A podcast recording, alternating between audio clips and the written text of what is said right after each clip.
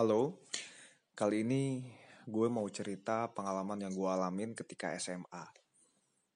Jadi, ini gak tahu capek atau banyak pikiran dan juga PR ketika gue SMP sampai SMA karena sekolah di sekolah yang mengadaptasi sistem full day.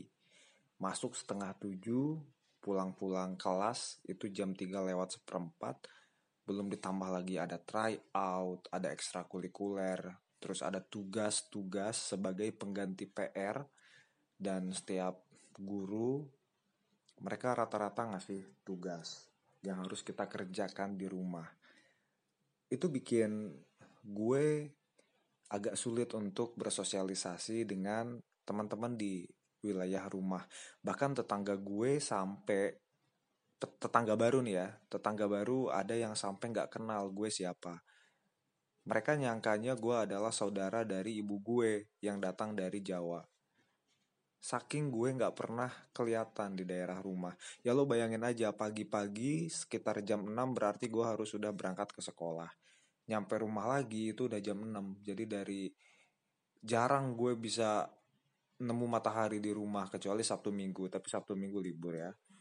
Nah, Entah karena kegiatan yang sebegitu padatnya, akhirnya hampir setiap malam gue tuh kena rep-repan. Nah, tapi ini agak beda dan kejadiannya pagi hari. Waktu itu hari Sabtu atau Minggu gue lupa. Yang jelas jam 6 pagi gue masih mager, males-malesan di kasur. Dan gue jelas banget tuh denger ibu gue lagi masak nyiapin sarapan buat anak-anaknya dan juga buat uh, bapak gue yang mau berangkat kerja. Jadi kedengeran tuh ada uh, orang lagi masak di dapur. Tiba-tiba badan gue nggak bisa gerak dong. Tapi mata gue nggak merem. Mata gue masih melek badan gue nggak bisa gerak. Dan di situ gue biasanya melakukan sebuah gerakan kecil karena biasanya itu bekerja gitu ya. Ketika gue melakukan gerakan kecil, akhirnya semua tubuh gue bisa bergerak dan logika gue ketika ketindihan yang ditindih itu badan dan juga tangan gue. Jadi yang bisa gue gerakin adalah bibir atau mulut gue. Nah, gue melakukan itu. Gue kembali menggerakkan bibir gue. Tapi nggak kayak biasanya Pagi itu, bibir gue sulit untuk bergerak dan badan gue belum bisa terbebas dari cengkraman si rep-rep ini. Gue mencoba untuk teriak sekencang-kencangnya sampai akhirnya gue merasa kalau gue udah bener-bener bisa teriak. Dan tumben biasanya ibu gue tuh sadar kalau gue sedang kena rep-rep. Dia langsung masuk kamar, terus dia bangunin gue dia bantu gue untuk bergerak dan akhirnya rep itu bisa hilang. Tapi ini enggak ibu gue enggak mendengar apa pun. Nah parahnya setelah kejadian gue nggak bisa gerak gue kan gelian ya orangnya ya. Jadi kalau ada yang nyolek nyolek punggung atau daerah ketek gue itu gue langsung nggak bisa tuh kalau gue diem. Itu pasti gue lebay gitu lah anjir. Ngerti kan? Itu geli banget ya. Nah ada jari-jari yang mencengkram. Bagian ketek gue males banget gak sih? Di mana posisinya gue lagi gak bisa gerak tapi gue merasa ada jari-jari yang megang daerah ketek gue dua-duanya. Mencengkram keras enggak tapi geli ya gue takut tapi juga geli pengen ketawa gitu. Maksudnya bukan ketawa karena gue fun itu ketawa yang bener-bener karena geli. Lama-lama gue nggak bisa nih gue nggak bisa kesiksa kayak gitu. Gue mencoba untuk menggerakkan tangan kiri gue sekuat tenaga gue berdoa ayat kursi tapi itu nggak mempan.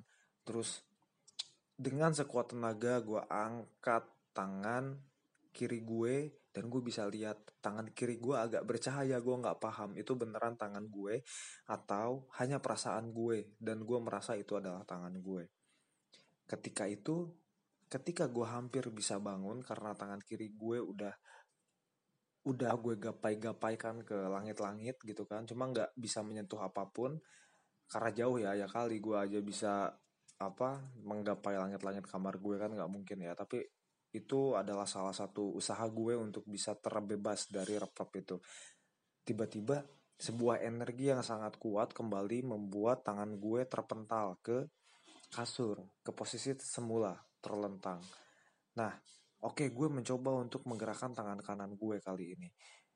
Berusaha banget itu kuat banget susah banget berat banget gitu kan. Dan tapi dikit-dikit gue bisa menggerakkan tangan kanan gue. Dan ketika tangan kanan gue udah setengahnya bergerak gue merasa itu enteng dan akhirnya oke okay, dan itu berat banget. Dan ketika tangan gue sudah hampir setengahnya gue tiba-tiba merasa enteng banget. Dan tangan gue plek jatuh ke sisi kiri badan gue. Dan lo tahu apa yang tangan gue rasakan ketika menyentuh bagian samping kiri gue?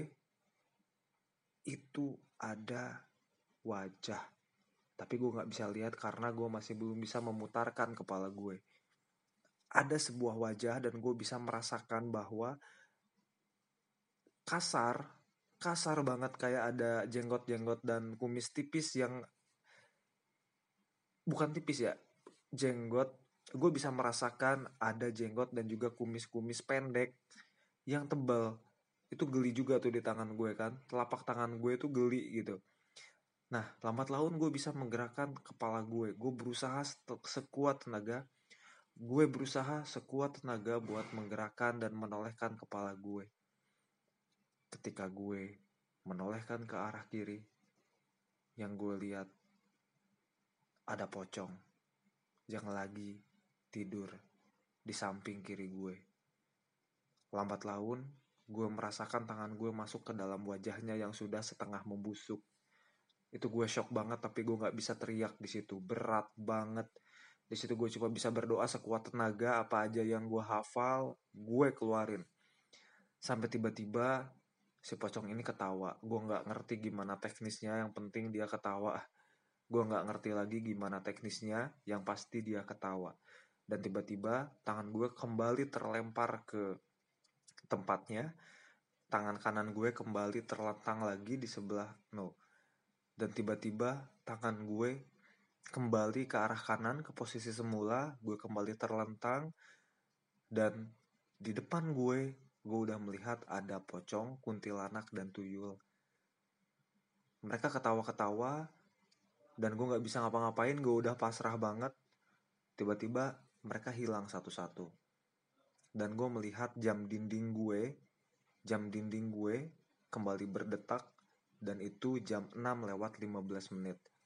Semua kembali normal gue bisa kembali bergerak langsung gue bilang ke ibu gue mah kok tadi nggak bangunin sih?